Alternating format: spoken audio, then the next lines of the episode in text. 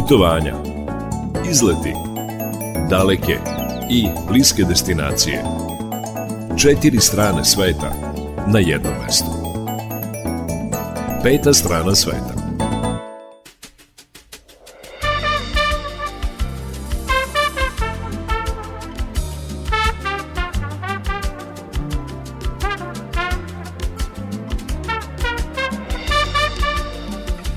Dobar dan, dobrodošli u još jedno izdanje turističkog magazina Peta strana sveta. Emisija traje do 18 časova, dakle imamo, imamo vremena da se bavimo turizmom i to različitim temama. Pa ćemo tako posle izveštaja iz Automoto Saveza Srbije i vremenske prognoze, a složit ćete se da su to neophodne informacije za sve one koji planiraju da putuju, Posle tih informacija govorit ćemo o voucherima. Slažete se da je to veoma dobra mera vlade koju mnogi koriste kako bi otišli na letovanje, kako bi otišli u banju, kako bi sebi osmislili godišnji odmor. Na sajmu turizma u Beogradu najavljena je nova količina vouchera koja bi trebalo da bude opredeljena za građane, ali ne znamo tačno kada će oni biti u opticaju. O svemu ćemo vas obaveštavati u peti strani sveta turističkom magazinu Radio Novog Sada, a danas ćemo govoriti o tome kako bismo mogli unaprediti turističku ponudu baš uz pomoć tih vouchera. Dakle, kolika bi trebalo njihova vrednost sada da bude, pošto je sve poskupelo, znamo da su plate u javnom sektoru povećane, pa shodno tome imala sam mnogo tema za razgovor sa Aleksandrom Seničićem, direktorom Jute. To će biti prva tema kojom ćemo se baviti, a potom idemo u susednu državu, u Crnu Goru i to u bar, najlepša zgrada, najlepša građevina u tom primorskom gradu je dvorac kralja Nikole.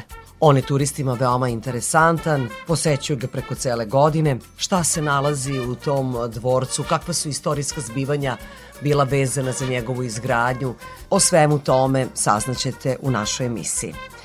Pred krajem emisije govorit ćemo o osiguranju od povreda na skijanju. Zimska sezona još nije završena, pa ako sad nameravate da idete na skijanje, treba da znate da bi bilo najbolje da obavezno uplatite osiguranje.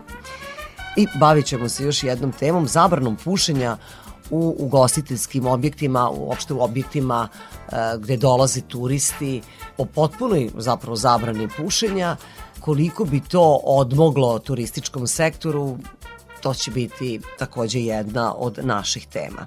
Na samom kraju čućete i vesti iz sveta turizma. Muzički urednik biće Srđan Nikolić, majstor tona Damjan Šaš, ja sam Irina Samopjan i volim da kažem na početku emisije, neka ovo naše putovanje počne.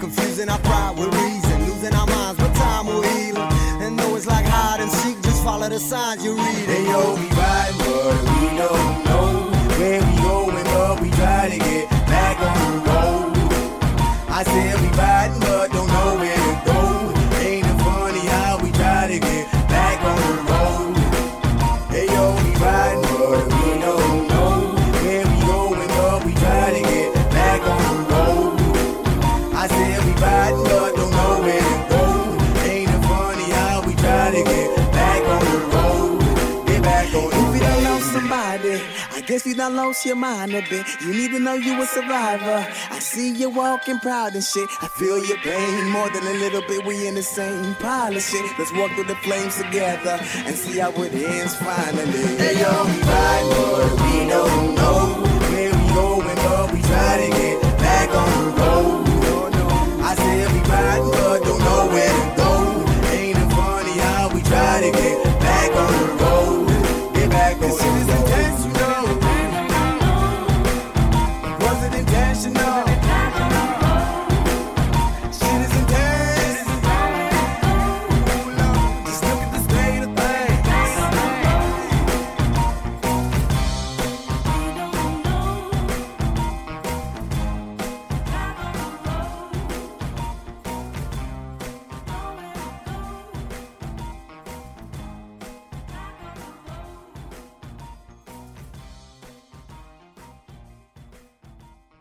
Čućemo kako će vreme biti za vikend, ali pre toga da čujemo izveštaj iz Automoto Saveza Srbije.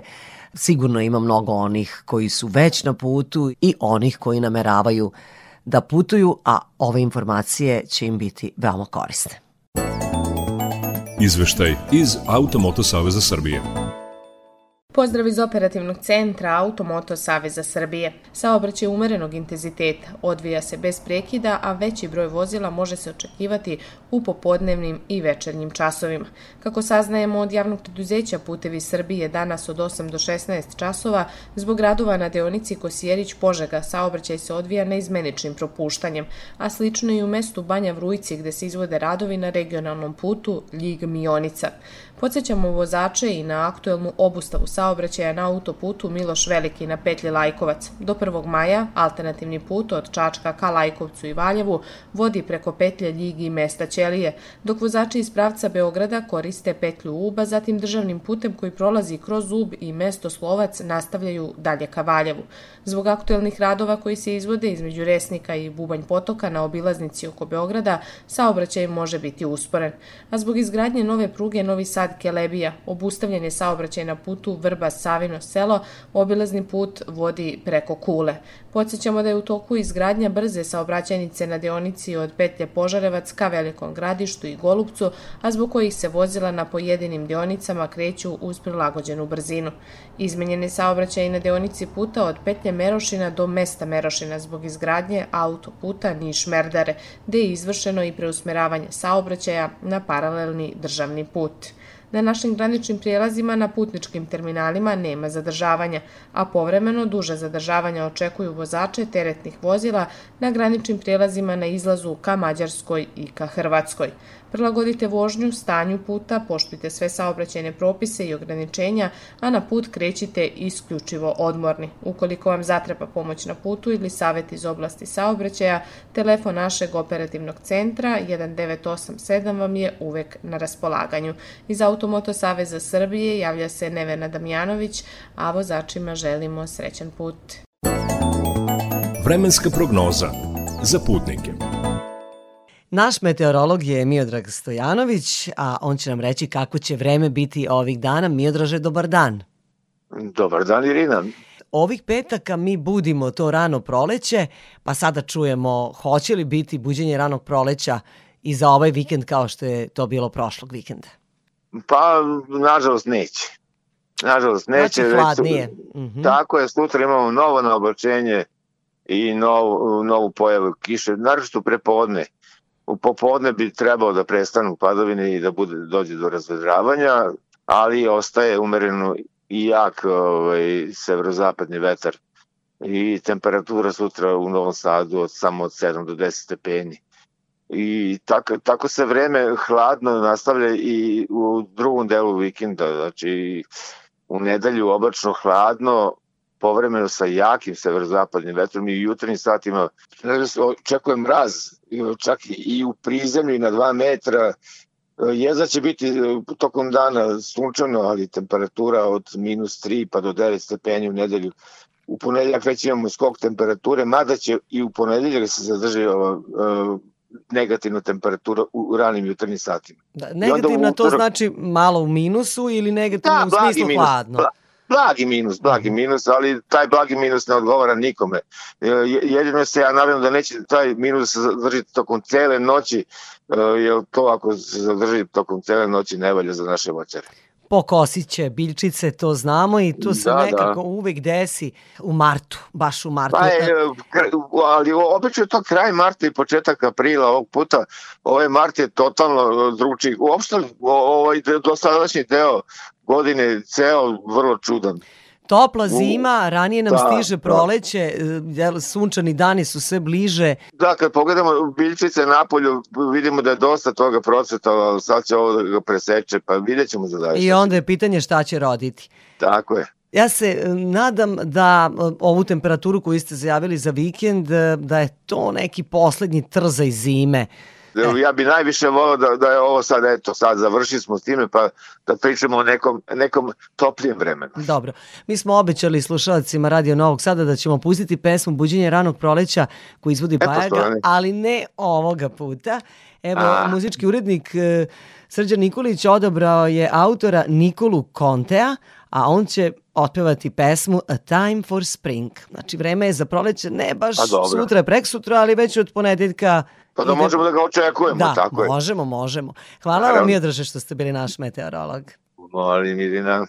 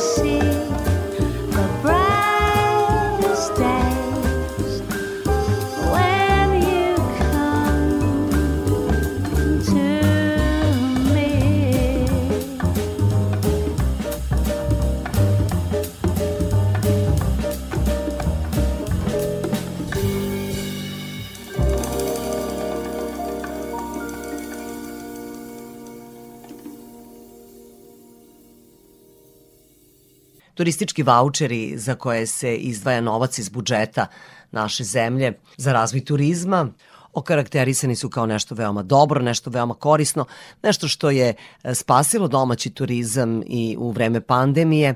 I vidimo da već dugi niz godina oni pomažu građanima da odu na letovanje, da se odmore za svoj godišnji odmor i lepa su dotacija. Kako oni mogu da budu još više u službi razvoja turizma u našoj zemlji, uskoro ćemo o tome.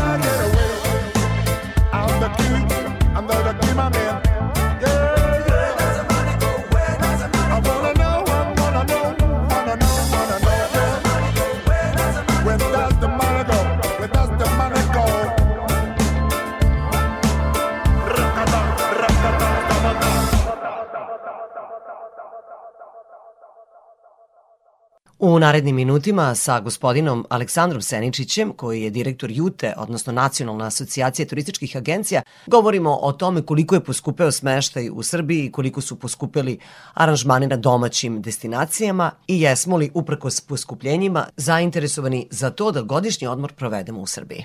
Turistički magazin na Radio Novog Sada. Peta strana sveta. Govorili smo u prethodnim emisijama koliko su poskupili aranžmani u inostranstvu, pa sada mhm. kada je bio sajem turizma, pričali smo opet e, o cenama aranžmana u inostranstvu, ali zanima nas i koliko su poskupili aranžmani u Srbiji. Mnogo je onih e, koji će letovati u Srbiji, ima i onih koji su uspeli da dođu do turističkog vouchera koji daje našim građanima vlada.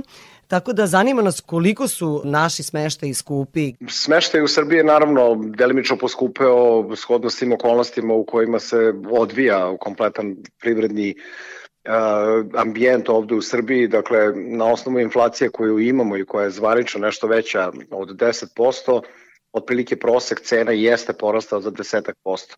To sve zavisi, naravno ne možemo konkretizovati zato što to zavisi od perioda u kome boravite, od vrste objekata u kojima se boravi, dakle hoteli su nešto više poskupili od privatnog smeštaja, i to je činjenica, dakle, i to ne verujem da će se brzo nešto vratiti na staro.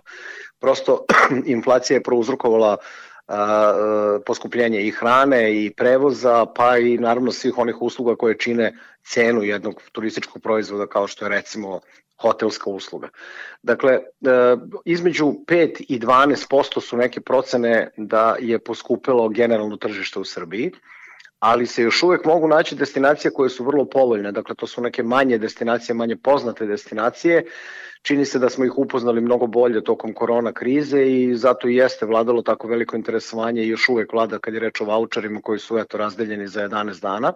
Najave sa sajma jesu da će se opredeliti još 100.000 vouchera u nekom narednom periodu. Da, ne zna se tačno I, kad, jel? Tako ne, je, ne zna se, čeka se, čeka se rebalans budžeta uh -huh. gde treba da se obezbede dodatna sredstva da bi se e, emitovali ti voucheri. Ono što mi negde već pokušamo godinu ili dve da eto, sufliramo, ako tako mogu da kažem, da predlažemo da se za određene turističke destinacije koje su svima dobro poznate, koje su najposećenije, kao što su recimo Soko banja, Vrnjačka banja, Zlatibor i još neke destinacije, taj broj vouchera smanji, a da se poveća ili vrednost ili poveća broj uh, izdatih vouchera za nešto manje poznatija mesta kako bismo i ta mesta ispromovisali na najbolji mogući način i kako bi ljudi još bolje upoznali Srbiju, dakle da ne idemo svi na ove već poznate destinacije, nego na neke manje poznate koje takođe zaslužuju da budu i posećene i da se dobro provedete, dakle savjet svima koji ove godine idu, ako mogu da biraju, da biraju nešto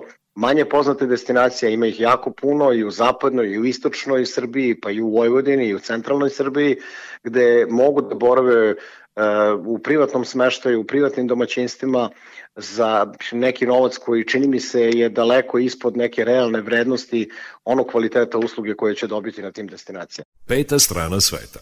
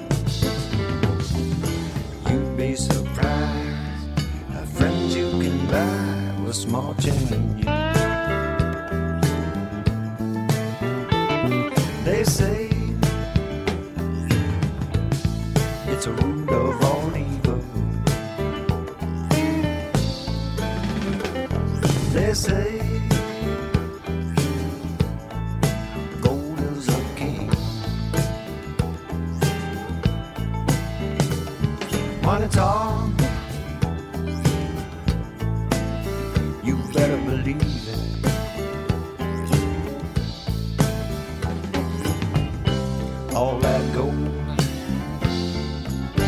Don't mean a thing.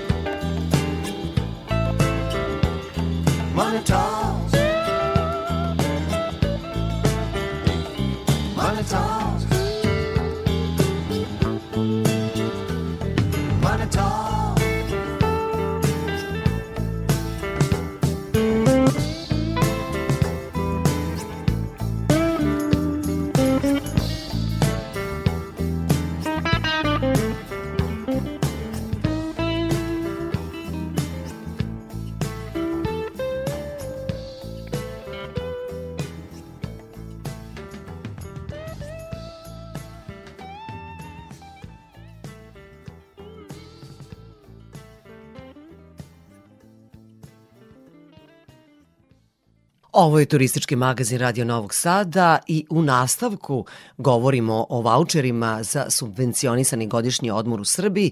Moj sagovornik je direktor Jute, Aleksandar Seničić. Radio Novi Sad.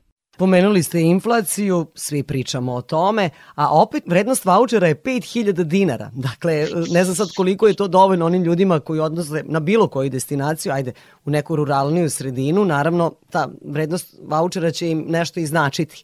Ali u nekim gradskim sredinama ne znam koliko im to znači. Takođe, vouchere mogu da dobiju samo oni koji imaju primanja do 70.000 dinara, a u javnom sektoru su povećane plate. Dakle, da li možete, rekli ste da suflirate vladi i Ministarstvu za turizam, pa da li vi možete da suflirate da se poveća vrednost vouchera i da se poveća, odnosno da mogu da dobiju vouchera i oni čija su primanja viša od 70.000? Ja se slažem sa vama, moje lično mišljenje je da ne treba imati ograničenja, nego jednostavno pustiti na tržište i ja bih, da ja se sad pitam za to, ja bih napravio voucher u nekoliko kategorija. Dakle, za najposećenije destinacije bi davao eto, ovakvu subvenciju od 5000 dinara za minimum 5 noćenja, za, kategor, za kategoriju mesta, turističkih mesta koje su kategorisane u drugu kategoriju, dakle koje nisu tako poznata, bih recimo dao 8000 dinara za mesta koje su kategorisana kao treća kategorija turističkih mesta, dakle gde nema velikog turističkog prometa, tu bih dao i 12.000 recimo, pa bi se ljudi po, po finansijskim mogućnostima više opredeljivali verovatno, jer bi se tih 12.000 recimo dvoje koje uzmu voucher, verovatno mogli da provedu svo četvoro sedam dana na nekoj od tih destinacija koje su manje poznate ovaj, u Srbiji. Ali, kažem, to je sad sve na nivou priče, još uvek o tome se ozbiljno ne, ne razgovara. Naravno da možemo da predlažemo, međutim, ideja zakonodavca jeste bila i države da se pre svega motivišu Uh, onaj, onaj sloj društva koji ima nešto niža primanja, da se njima omogući ova vrsta subvencije sa jedne strane, sa druge strane, dakle, u pravu ste kad ste rekli da su plate povećane pre svega u državnom sektoru i to ćemo tu jedan deo ljudi neće više moći da ispuni taj osnovni uslov, a to je da nema platu veću od 70.000 dinara. Tako je. Koliko je to realno, to ne znam i samo povećanje cene vouchera, odnosno subvencije u voucherima zavisi od mogućnosti u budžetu. Dakle, to je ono što država određuje.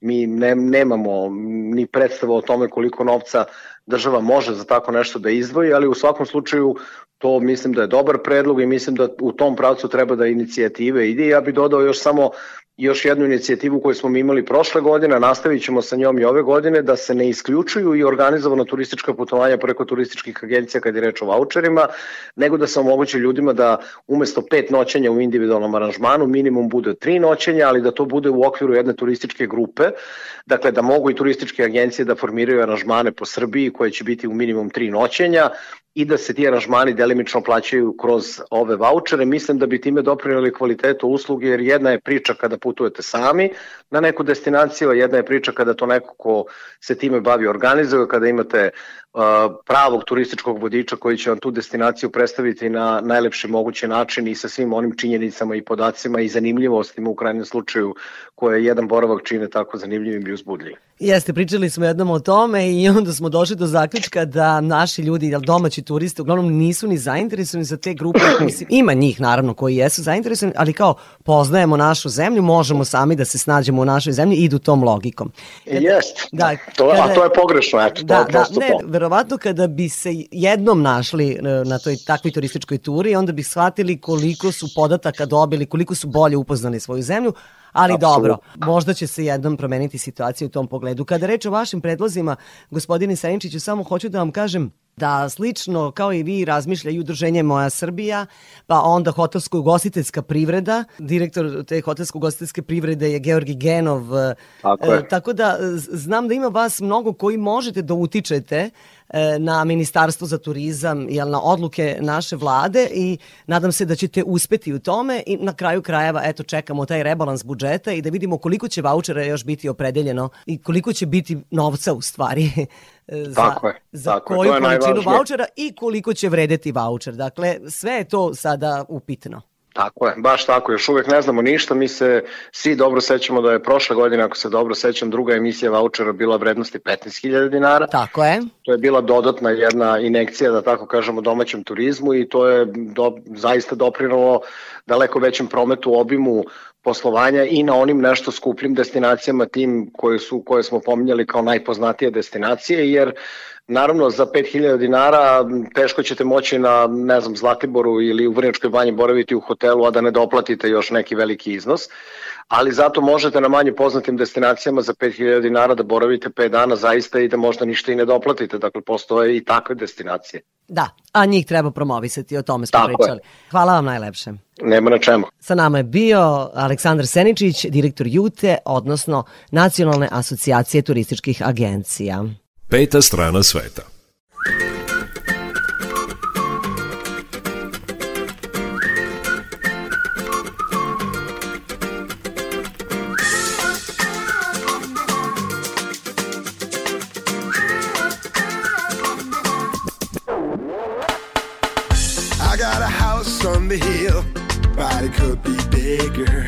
Drive a car made of steel, but it could be faster. I date a girl and she's so hip, but she could be nicer. I sing a song and it's a hit, man, it could hit higher.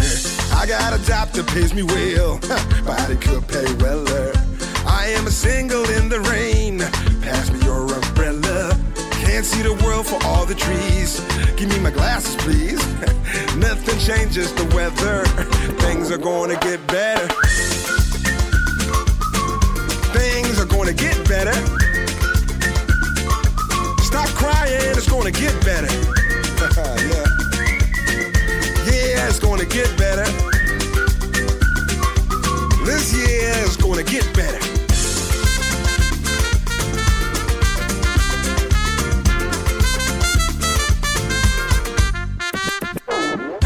If you believe that money's time, try to buy one minute. And you think that love's a game, and you wanna win it.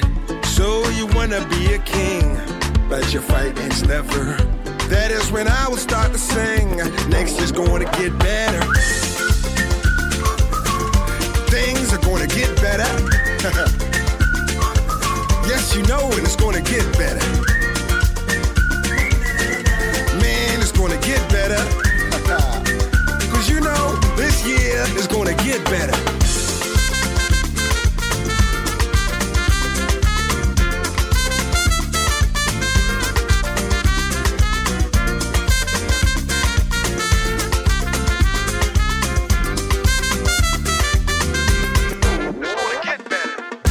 When you're giving people shit, shit is all you gonna get. If you try to hide your smile, expect the sun to shine.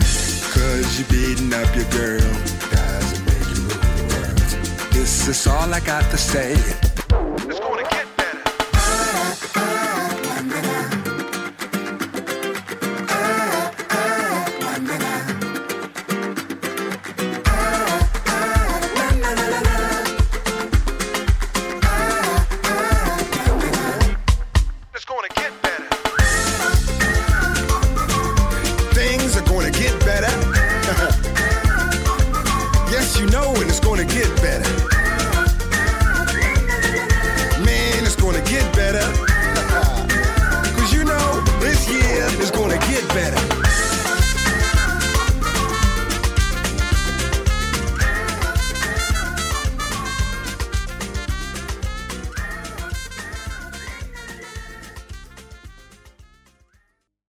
Slušate dvosatni turistički magazin koji se zove Peta strana sveta, emituje se na talasima Radio Novog Sada.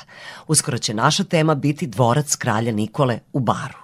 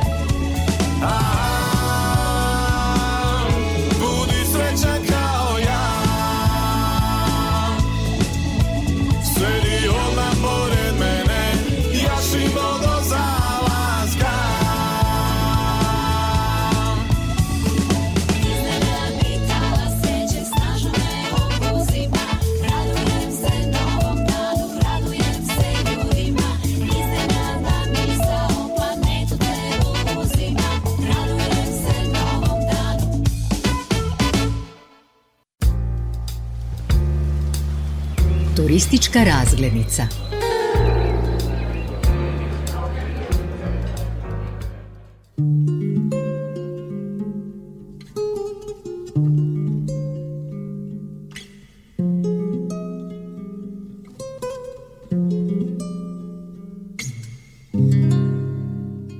Na glavnom šetalištu u baru, u Novom baru, tu gde se nalazi i gradska plaža, nalazi se najlepša zgrada u ovom gradu. To je e, dvorac kralja Nikole. jedinog crnogorskog kralja. Tako je nazvan u narodu, a u stvari pravi naziv za tu zgradu, za to zdanje je Vila Topolica. Moja sagovornica je Draginja Radonjić, koja je viši kustaš istoričar u Zavičajnom muzeju, zbog toga što se baš u ovoj vili, koja je predmet naše priče, i nalazi taj Zavičajni muzej. Dvorski kompleks sadrži jednu grupaciju objekata glavni objekat je dvorac kralja Nikole, to je centralni objekat. I to je veliki dvorac, veliki pošto dvorac, ima i mali. Da. Oko koga se nalaze pomoćni ili prateći objekti koji su nastajali krajem 19. i samim početkom 20. vijeka. E, tu u tom dvorskom kompleksu, osim ovog velikog glavnog dvorca, se nalazi mali dvor, dvorska kapela, botanička bašta, dvije kule stražare i veliki dvorski park. Taj dvorski kompleks je zbog svih ovih svojih vi vidite, vaši slušalci to ne mogu da, da, da, da vide, svojih arhitektonskih, pa istorijskih, ambientalnih, prirodnih karakteristika proglašeni za kulturno dobro 50. godina, tako da je on ima potpuno zaštićeni status i stavljen po zaštitu države.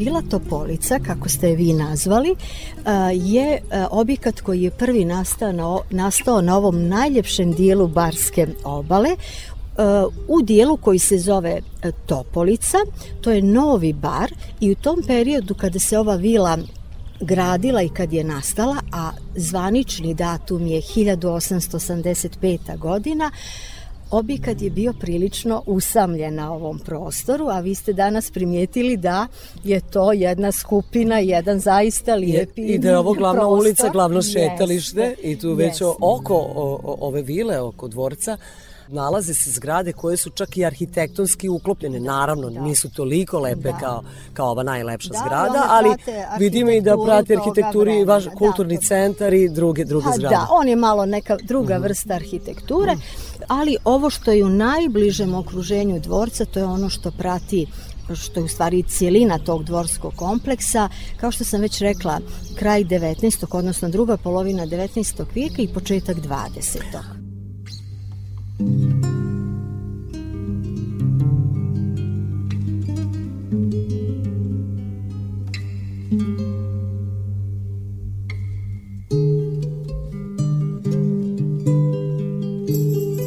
ko je izgradio dvorac? Vila e, se gradi e, tih 80. godina i prvi će e, početi da tu vilu gradi na ovom prostoru Zorka i Petar Karađorđević. Ovaj prostor ovdje gdje se mi nalazimo je bio svadbeni poklon tada knjaza Nikole svojoj čerki Zorki i budućem jeli svom zetu Petru Karađorđević. I budućem uh, srpskom kralju. Jeste, da. naravno.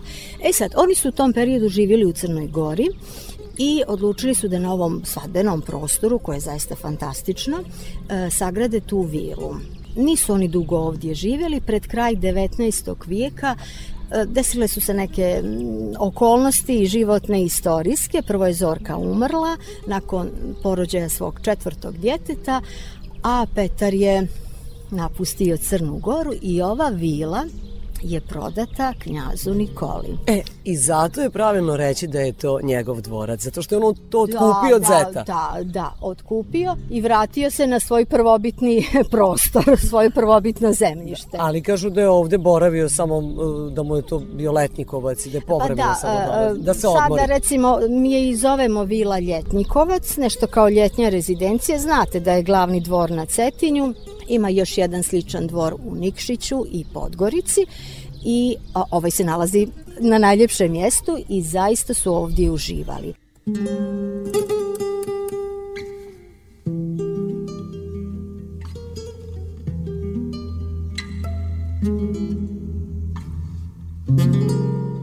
Knjaz Nikola, tada knjaz Nikola, je ovdje dolazi uglavnom pa u onim ljetnjim periodima, zato smo i nazvali Vila Ljetnikovac. Um, on i njegova supruga Milena su uh, rijeđe ovdje dolazili. Uh, oni su bili stvari inicijatori svega ovoga što mi danas imamo i uh, nadogradnje cijelog dvora. Znači ovo kako mi danas vidimo nije ono što je vila iz 1885. godine. Ona se nadogradila pred kraj 19. vijeka, dodata je mansarda, dodate su balkoni, pročelje, počeo je da se uređuje park po ugledu na evropske dvorske parkove i početkom 20. vijeka počinju da se grade i ovi prateći objekti kao što sam spomenula mali dvor, dvorska kapela i tako se sve to uobličuje. Oni su to uredili smatrajući da treba da bude nešto što bi ličilo na neke razvijene evropske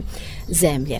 Onaj ko je najviše boravio u ovom dvoru jeste najstariji sin Danilo, prestolonasljednik Danilo, koji je ovdje boravio sa svojom ženom Milicom, Jutom Milicom i e, vrlo često su ovaj dvor kon 20. vijeka zvali i Danilov dvor.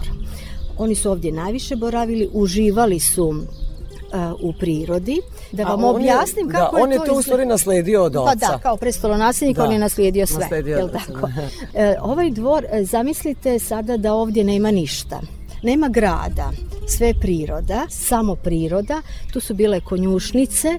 Iza samog dvora je bio veliki, velika šuma u kojoj su čak e, i lovili. Nasljednik Danilo i njegova žena lovili. Čak su kolima po znacima navoda šetali kroz tu veliku šumu i znači uživali.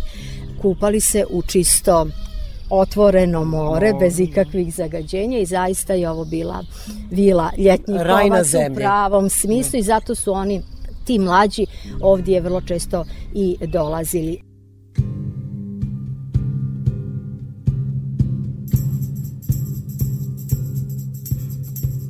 Sam dvor je 1910. E, godine kada se knjaz Nikola proglašava kraljem sagrađena i Balska dvorana. Ta Balska dvorana je bila mjesto raznih balova, zabava. Znači dolazile su da, po, poznate da, da. ličnosti da. toga vremena. Bili, znači e, dvorac je bio ne samo mjesto političkih okupljanja, delegacija i tako dalje, nego oni imaju tu svoju onu zabavnu, društvenu um, društveni život. život. Jeste, tako, e, to je ono što ga je tih prvih decenija 20. vijeka ovaj, obilježavalo, osim pored svoje ljepote.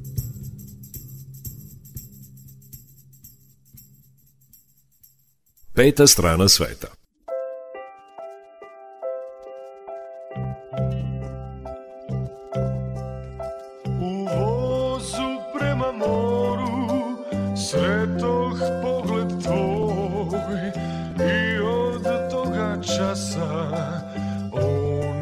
Samo moj. Pričao sam tebi celi život svoj.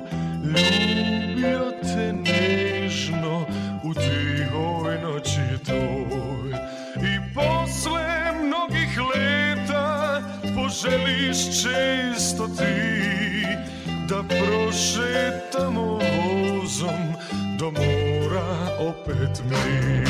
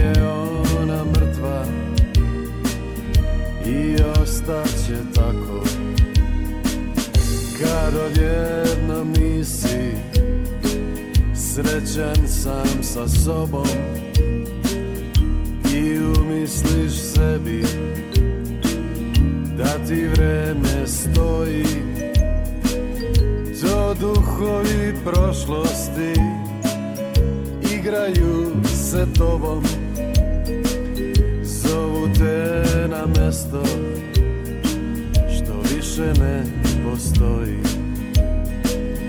To duhovi prošlosti igraju se tobom. Zovu te na mjesto što više ne postoji. Ti duhovi prošlosti, lukavi demoni mame te u prošlost Unazad te vuku. Ne daj da ti misli Pokidaju oni. Ne dozvoli da te Sećanja navuku. Ne daj da ti misli Pokidaju ne dozvoli da te sećanja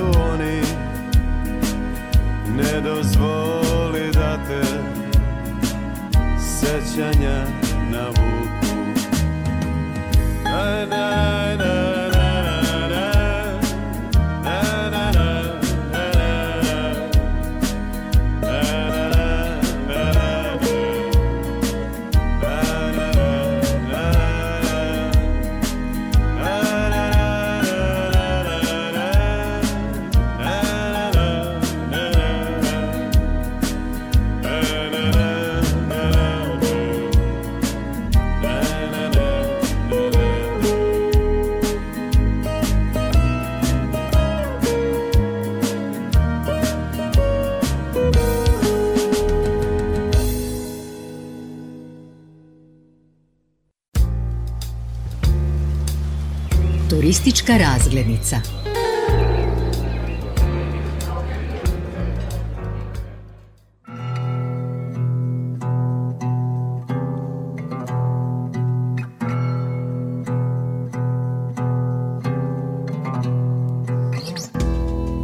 Podsjećam slušalac Radio Novog Sada, u poseti smo baru, divimo se zgradi Vili Topolica, zdanju kralja Petra, Petra Karađorđevića koji je bio oženjen Zorkom, čerkom e, kralja Nikole, crnogorskog kralja.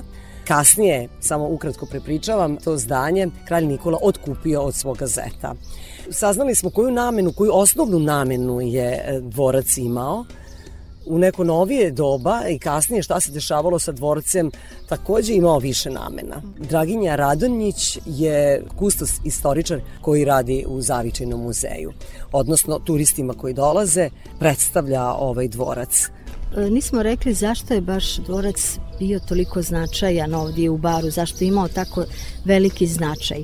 Kada je Crna Gora oslobođena 1878. godine od Turaka, nakon tri vijeka, izlazi na more i to preko bara.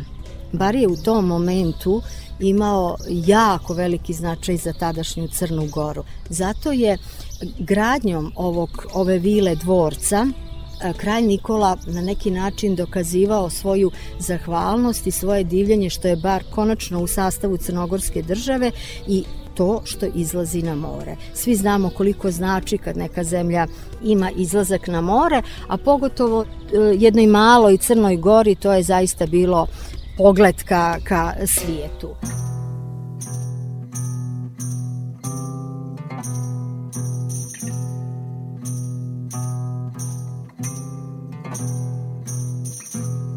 Dvor je imao kroz svoje godine postojanja, a danas su to već i 150 godina iza nas, jednu onako dosta burnu životnu istorijsku priču, pa i taj sam početak gradnje e, vile i kasnije dvorca je to već ima svoju priču. Od 1918. godine, kada Crna Gora ulazi u sastav velike države Kraljevina Srba, Hrvata i Slovenaca, Ovaj dvor, cijeli dvorski kompleks, naime će početi polako da blijedi njegov značaj, pošto je dinastija Petrovića protjerana tada iz Crne Gore, oni naravno tu više nisu mogli e, da dolaze.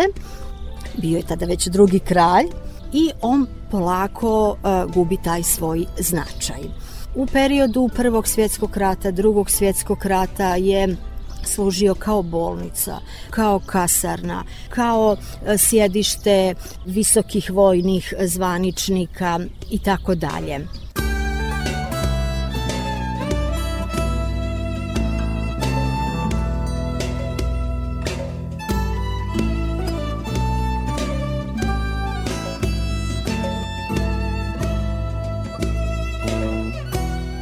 Recimo, odnosno ova šuma koju smo spomenuli iza dvora, je i ona propadala nakon te 918. Pa je već nekih 20. sredinom 20 godina odlučeno da se ta šuma nekako zaštiti, da ona prosto ne propada. Jedan dio tog zabrana, kako smo ga mi zvali, je dat e, tadašnjoj poljoprivrednoj školi na obradu i poljoprivrednom dobru koje se nalazilo u baru. Dakle, ovde u dvorcu je bila poljoprivredna škola i onda ne, su... Ne, ne, ne tu. Ta poljoprivredna škola je postojala negdje drugo, ali da prosto ta šuma Ali je... su đaci i radnici brinuli o tom parku. Pa da, ali ne, o, ne o kompletnoj toj Ne parku, šumi. nego da, šumi. Da. Da. Sada, sada je vaši- iza nas park. Da, sada sa je iza nas, mediteranskim jeste, da. Jeste, ali ta šuma koja se tamo duboko prostirala u sada Mhm. već e, gradskoj zoni grada, ona je prosto bila na neki način e, iskorišćena tako što su se gajile jeli, biljke koje su koristile e, stanovništvu.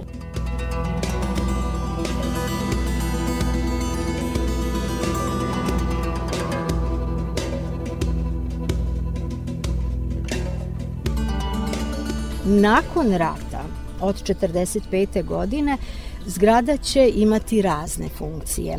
Zemlja je siromašna, cijela zemlja je siromašna, stanovništvo ostalo bez e, krova nad glavom, tako da će u određenim prostorijama dvora živjeti porodice na recimo gornjim spratovima. U prizemlju će biti prostorije koje su služile za neke organizacije. Tu je dugo bila gradska biblioteka i tako dalje.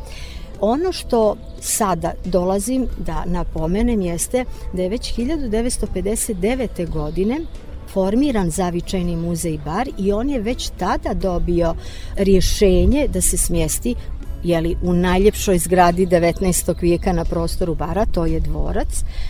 Međutim, nije to išlo baš tako glatko. On je se zvanično uselio u jednu prostoriju, ali sve ostalo je bilo zauzeto tim raznim malim, čak i radnička, jedna vrsta radničkog univerziteta je tu bila u ovim donjim prostorijama.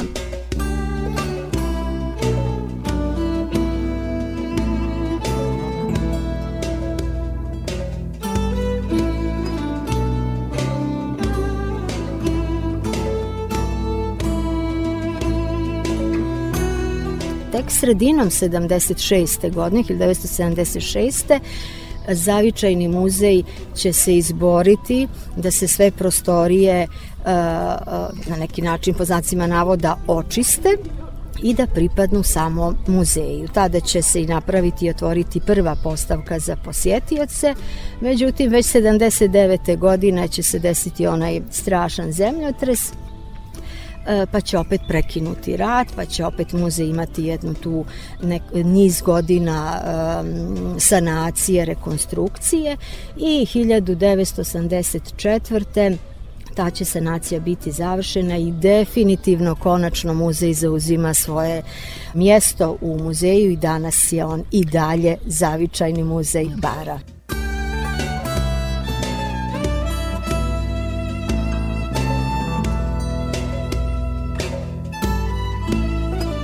Draginja, šta se nalazi u Zavičajnom muzeju? Dakle, koji su predmeti pohranjeni? Sam naziv našeg muzeja zavičajni govori nam da je to da je tu su smjer, da je tu smještena priča o cijeloj prošlosti, cijeloj istoriji našeg grada. Naš muzej je e, kompleksnog tipa, što to znači da se u njemu nalaze nekoliko različitih odjeljenja, istorije, arheologije, istorije umjet, umjetnosti, etnologije. Imamo jednu e, konzervatorsku laboratoriju Tako da mi pričamo priču od onih najstarijih praistorijskih vremena, najstarijih praistorijskih zajednica na prostoru Bara, preko srednjeg e, vijeka, kasnog srednjeg vijeka, ovog doba razvoja, oslobađanja od Turaka, razvoja moderne Crne Gore, pa do današnjih do dana. današnjih dana, drugi svjetski rad do današnjih dana.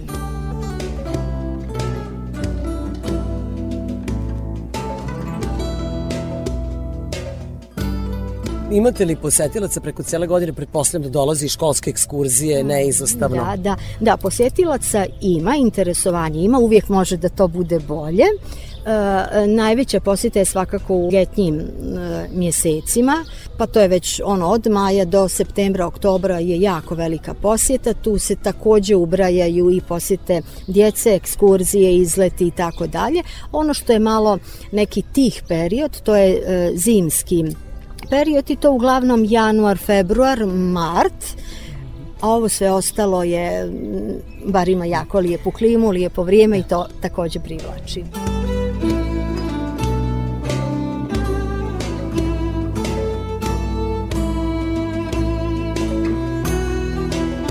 U dvorcu kralja Nikole u Baru, najlepšoj građevini u tom gradu na šetalištu uz more, razgovarala sam sa kustoskinjom Draginjom Radonjić. Peta strana sveta.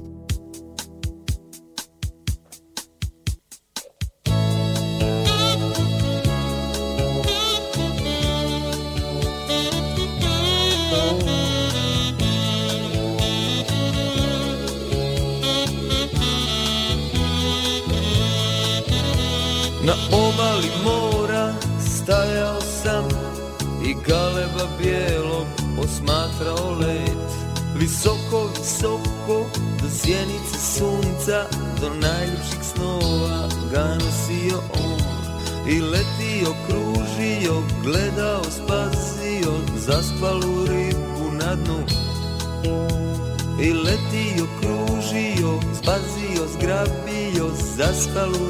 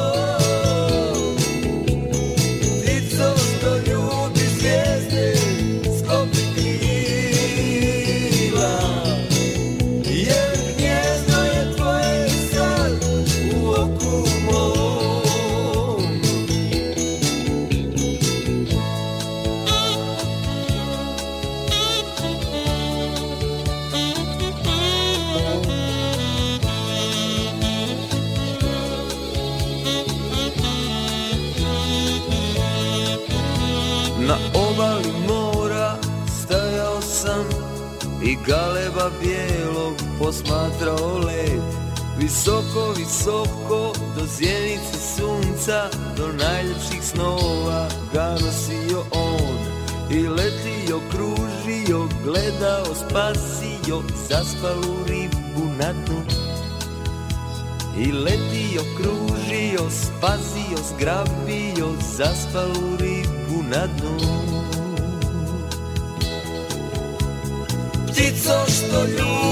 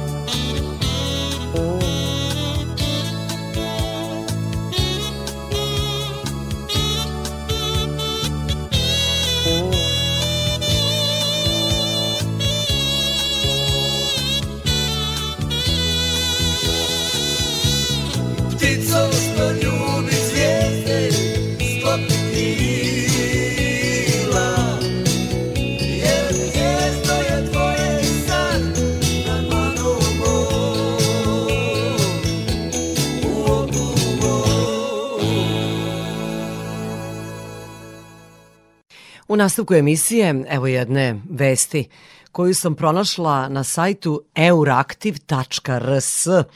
Ovo bi možda trebalo da znate svi vi koji ćete putovati na popularne destinacije, u popularne evropske gradove.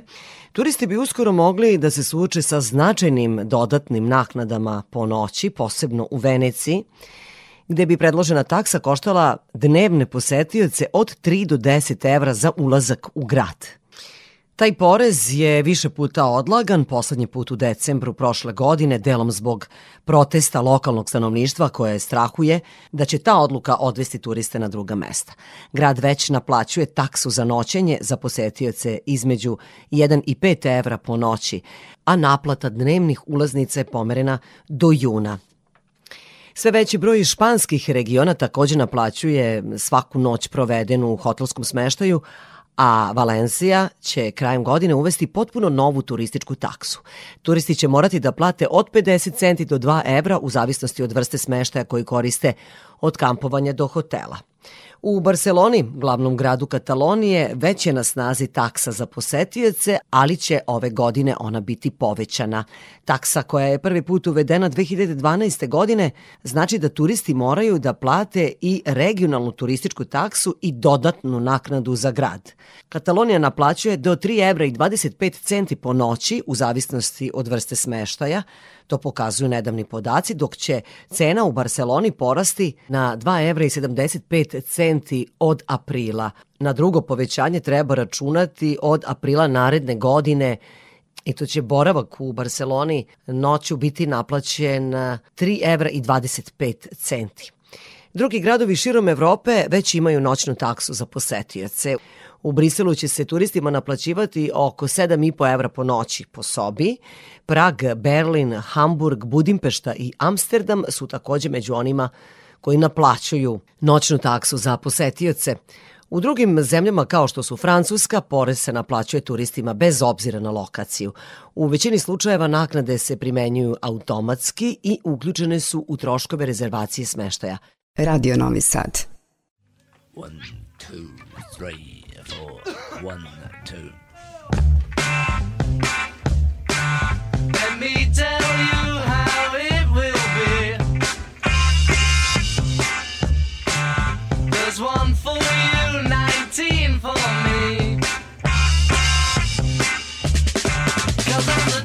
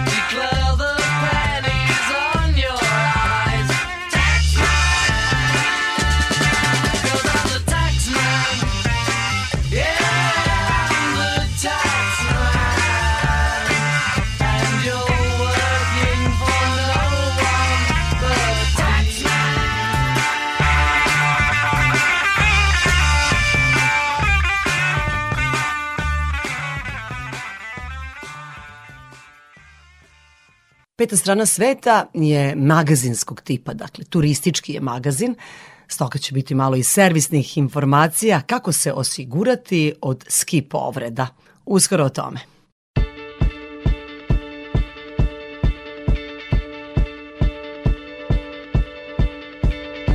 When I was six years old, I broke my leg. I was running from my brother and his friends.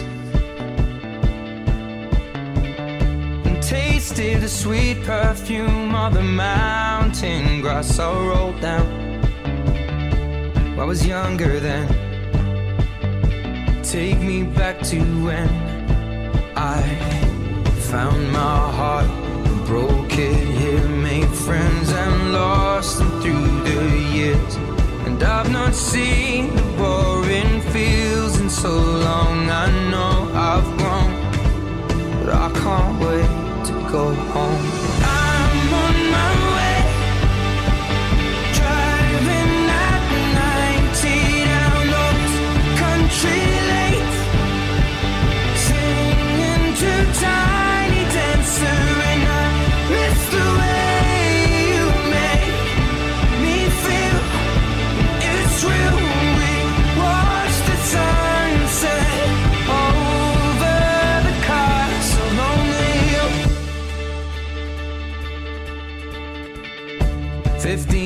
Old and smoking and rolled cigarettes. Running from the law through the backfields and getting drunk with my friends. Had my first kiss on a Friday night. I don't reckon that I did it right, but I was younger then. Take me back to when we found weekend jobs and when we got paid. We'd buy cheap spirits and drink them straight. Me and my friends have not thrown up in so long. Oh, how we've grown. But I can't wait to go home. I'm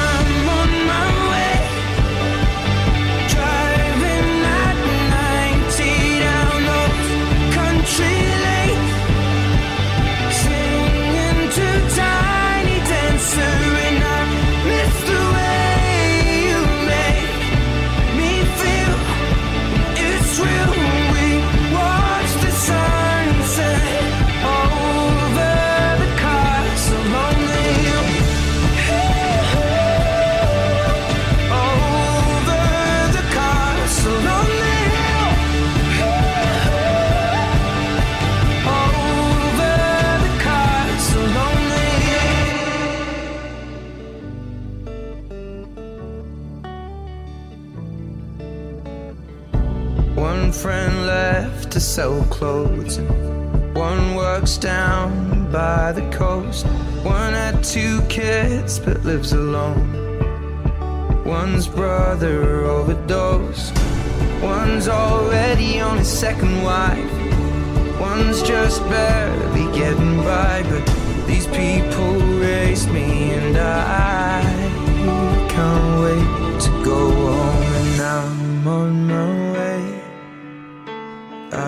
still remember these old country lanes when we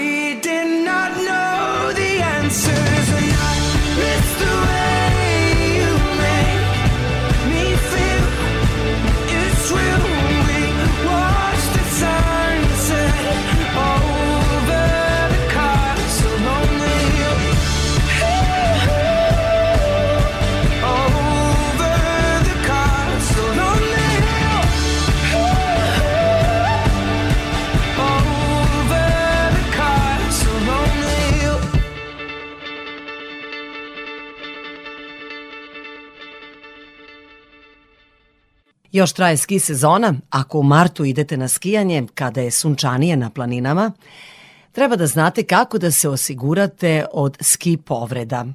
To je objasnila Branislava Vidaković, koja radi u sektoru za nadzor nad obavljanjem delatnosti osiguranja u Narodnoj banci Srbije. Povrede nastale uz bavljenja skijašnim sportom mogu se osigurati preko škole skijanja koja organizuje časove, svakako i samom kupovinom ski kartis, odnosno ski pasa. Dakle, ski rizik se pokriva za polaznike časova skijanja i tada ugovarač osiguranja sama škola skijanja. U Srbiji sve škole skijanja mogu koristiti skijalište za podučavanje skijanju pod uslovima da imaju zaključen ugovor o osiguranju korisnika usluga podučavanja u skijanju od posledica nezgode. Osim toga, samom kupovinom ski karte u Srbiji, odnosno ski pasa, gde ugovarač osiguranja javno preduzeće skijališta Srbije, pojedinac stiče pravo na osiguranje od posledice nesrećnog slučaja. Dakle, kada kupite ski kartu, praktično ste dobili polisu osiguranja. Bitno je naglasiti da ski karta u Srbiji mora da bude nime povređenog, što znači da osiguranje ne važi ako koristite tuđi ski pas.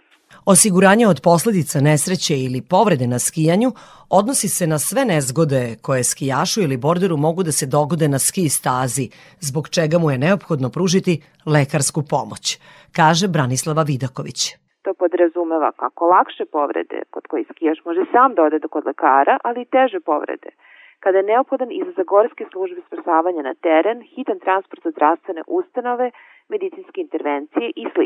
Postoje i slučajevi kada osiguranje od posledice nesrećnog slučaja na ski stazi ne važi.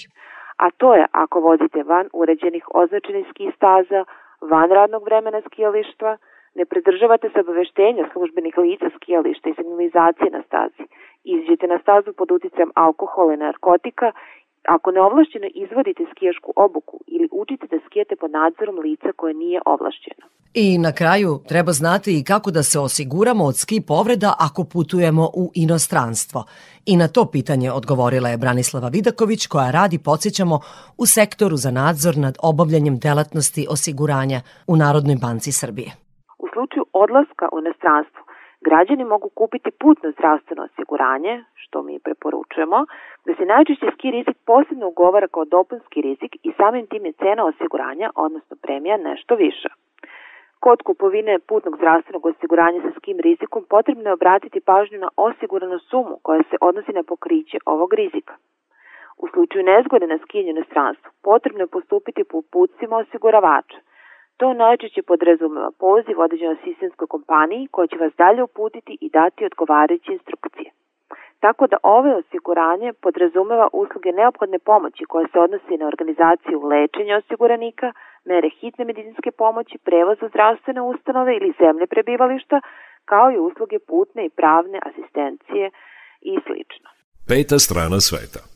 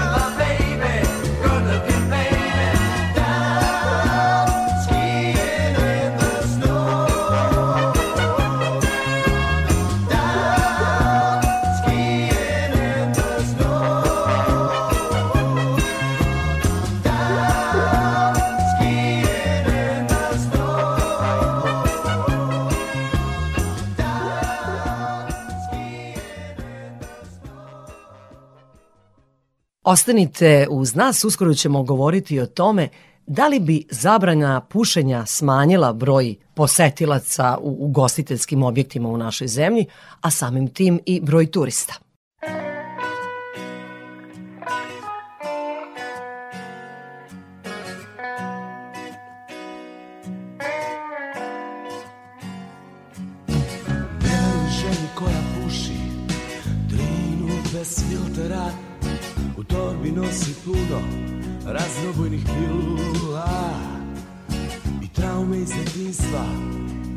24 sata dnevno mrzi čitav svet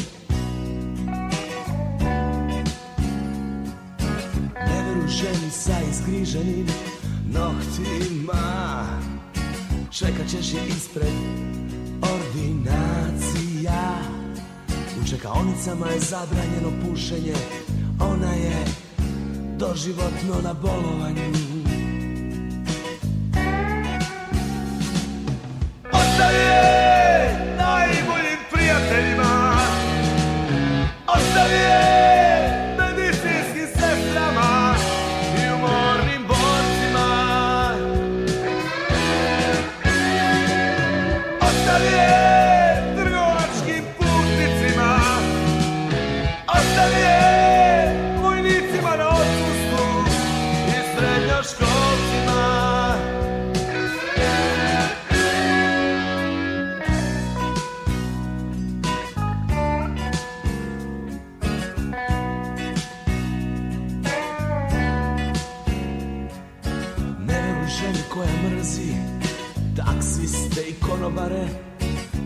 je tešiš Dok plače To je svakodnevna normalna pojava I ti joj ne možeš pomoći.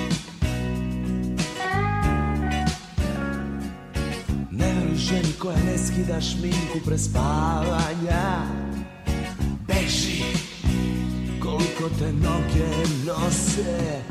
Beži glavom bez obzira Beži i ne okreći se sine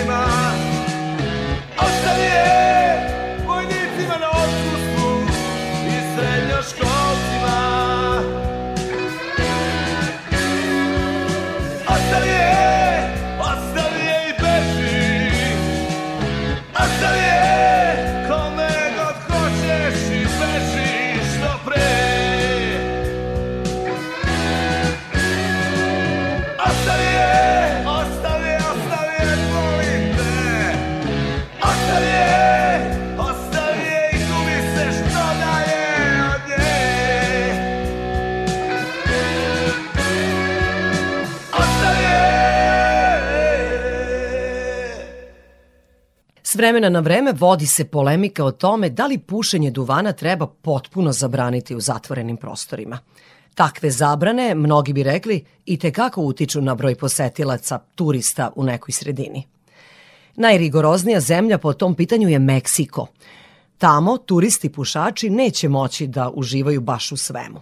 Meksiko je potpuno zabranio pušenje cigareta na svim javnim mestima, uključujući hotele i plaže. Jedino legalno mesto za pušenje duvana u Meksiku je u privatnim kućama ili privatnim otvorenim prostorima. Meksiko sada ima jedan od najstrožih zakona protiv duvana na svetu. Turisti koji puše na javnom mestu mogli bi da se suoče sa kaznama od 50 do 300 dolara zbog paljenja cigarete u javnosti. Oni koji odbiju da sarađuju sa vlastima povodom zabrane pušenja i ne povinuju se zakonu, mogu se suočiti i sa zatvorom od 36 sati. Pooštreni su i propisi u vezi sa elektronskim cigaretama. Ti uređaji se ne mogu uvoziti, prodavati ili koristiti na javnim prostorima u Meksiku. A šta se dešava u našoj zemlji kada je reč o potpunoj zabrani pušenja? Istraživanja su pokazala da uvođenjem apsolutne zabrane pušenja u svim zatvorenim prostorima u ugostiteljskom sektoru nema nikakav negativan efekat. To je izjavila nekadašnja predsednica Republičke stručne komisije za kontrolu duvana, doktorka Srmena Krstev. Ona je za Tanjug istakla da je apsolutna zabrana pušenja u svim zatvorenim prostorima jedini i najefikasniji način koji se najbolje sprovodi i nema razloga da se prave izuzeci. S druge strane, direktor poslovnog udruženja Hotelsko-ugostiteljske privrede Srbije, Hores, Georgi Genov, kaže da bi potpuna zabrana pušenja drastično smanjila promet u ugostiteljskim objektima u našoj zemlji. Naravno, ovo bi bio žestok udar kada bi se zabranilo u restoranima, s obzirom na nesrazmjerno oporavak u čitavoj Srbiji. Dakle, imamo i hotele, restorane koji dobro rade, ali veliki brojni. Izgubili smo skoro polovinu radne snage, tako da bi ovo bilo zabrana od naprečac. Na ovaj način bi jednostavno stavili, ugasili svetlo tiče toga, tako da može neko da stavi ključ u vrata u najmanje 40% ugostinskih objekata. I među ugostiteljima ima nepušača, dakle ima ljudi koji nisu za pušenje, tako da ne treba deliti na referendumsko pitanje da li smo za ili protiv, nego naprotiv zajednički mora da delujemo i da jednostavno se borimo protiv duvanskog dima u svakom slučaju. Tako da nismo dve suprotstavljene strane, već jednostavno tražimo razumevanje za našu ugostinsku delatnost koja je zaista u jednoj teškoj situaciji. Direktor Horesa, Georgi Genov, napominje da se ugostiteljska industrija još nije oporavila od covid a zatim i od rata u Ukrajini i, kako kaže, neće se oporaviti sve do naredne ili do 2025. godine. Peta strana sveta.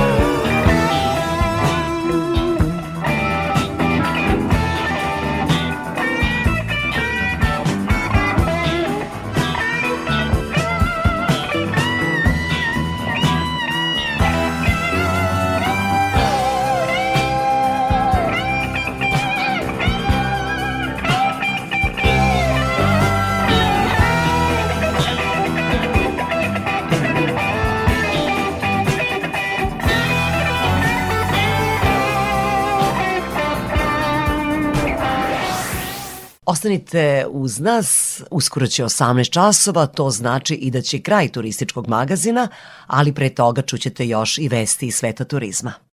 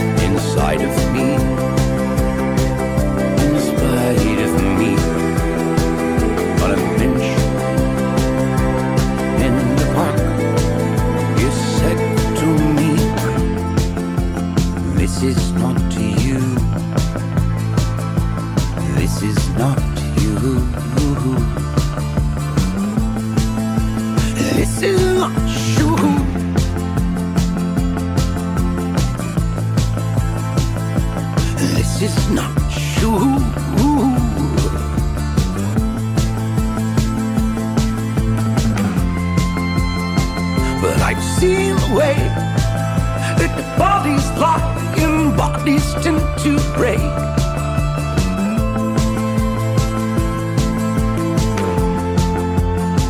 And I've been away. I've been way too long. And I don't know a better place.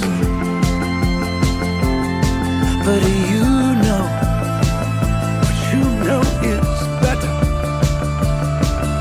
is brighter and you know. You know what you know is better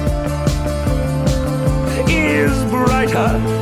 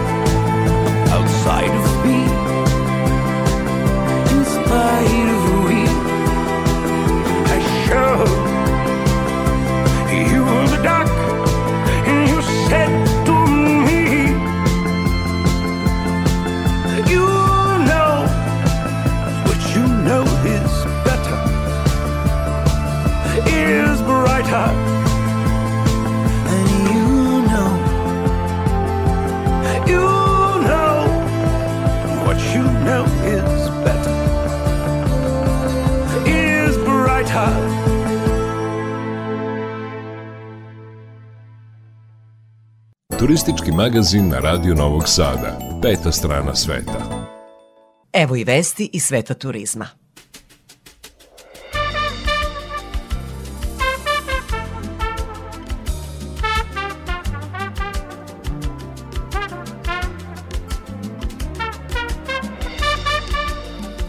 Prva vest je sa sajta Turistički svet. Turistička organizacija Srbije učestvovala je na najvećem i najprestižnijem B2B sajmu u oblasti turizma u Berlinu.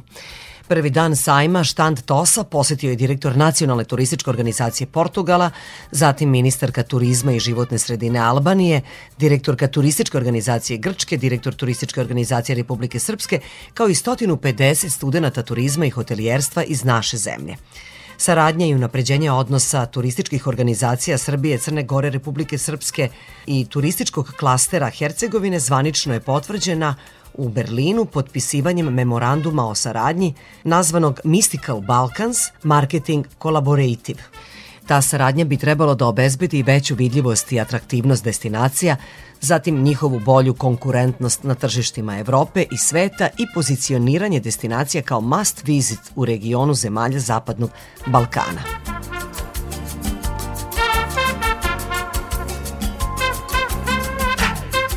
Vest sa Tanjugovog sajta.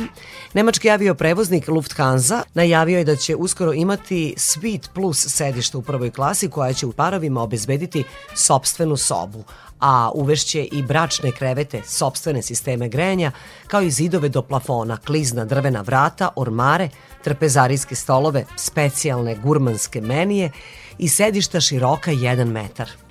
Tako će ta aviokompanija imati neke od najluksuznijih opcija za duge relacije. Očekuje se da će ceo plan koji uključuje podelu sedišta avioprevoznika u sedam klasa na dugim rutama koštati čak 2,5 milijarde evra i trebalo bi da bude u potpunosti realizovan do 2025. godine. Bračne krevete na dugim letovima već imaju Qatar Airlines, Etihad i Singapore Airlines, ali su te opcije veoma skupe, od oko 3000 do više od 20.000 dolara. I još jedna vest za kraj. U Japanu je predstavljena zanimljiva tehnička inovacija. Kompanija Ivaja Giken objavila je planove za pokretanje komercijalnih letova balonom za putovanje u svemir.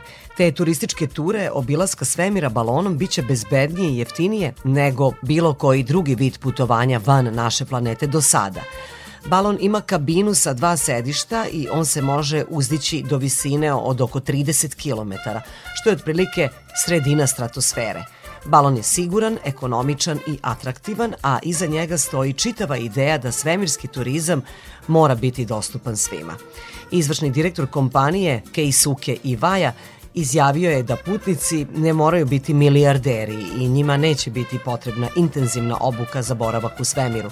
Balon ima hermetički zatvorenu kabinu za posadu, a leteće do visina koje su nedostupne komercijalnim avionima. Za razliku od rakete ili balona na vruć vazduh, balon se podiže uz pomoć helijuma koji se može u velikoj meri ponovo upotrebiti. Prvo putovanje je planirano već krajem godine. U početku bi let koštao oko 180.000 dolara, dok bi vremenom cena bila drastično manja, oko 10.000 dolara.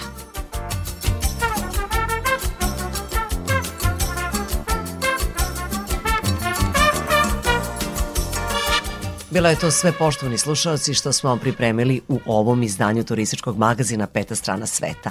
U 18 časova su naše najnovije vesti, a potom i naša najstarija muzička emisija Randevu sa muzikom, koju petkom uređuje i vodi Nikola Glavinić. Do naredne emisije pozdravljaju vas muzički urednik Srđan Nikolić, majstor tona Damjan Šaš, ja sam Irina Samopjan i želim vam srećen put.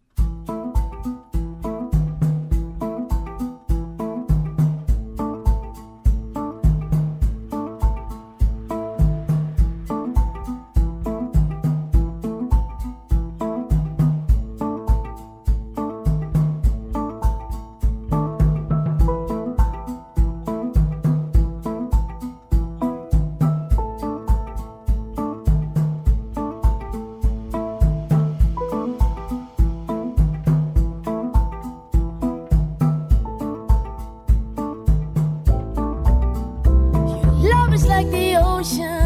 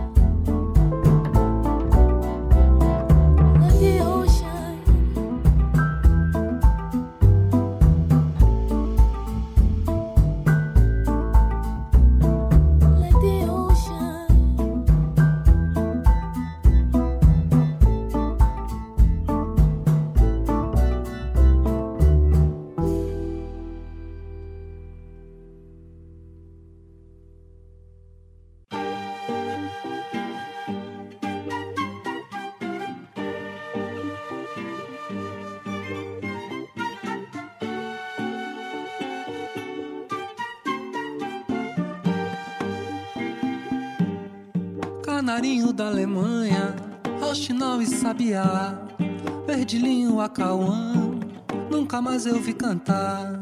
Como pode o passarinho viver preso na gaiola? Como pode o passarinho viver preso na gaiola? Beija-flor, papacapim. capim Assanhaço, Pajéu, Graúna, Caboculinho, já não vejo mais nenhum, como pode o passarinho viver preso na gaiola.